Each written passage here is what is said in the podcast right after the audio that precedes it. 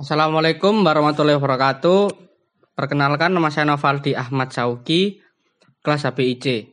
Saya akan menyuarakan ide dan gagasan terkait wawasan Nusantara, yaitu tentang COVID-19 sebagai manusia dalam menghadapi pandemi COVID-19 yang sudah merajalela di Indonesia. Kita diwajibkan untuk mentaati protokol kesehatan, mengikuti perkembangan berita penyebaran virus corona mungkin dapat membuat kita menjadi waspada terhadap lingkungan sekitar. Namun, kita semua dapat mencegah perkembangan virus COVID-19 dengan melakukan hidup sehat.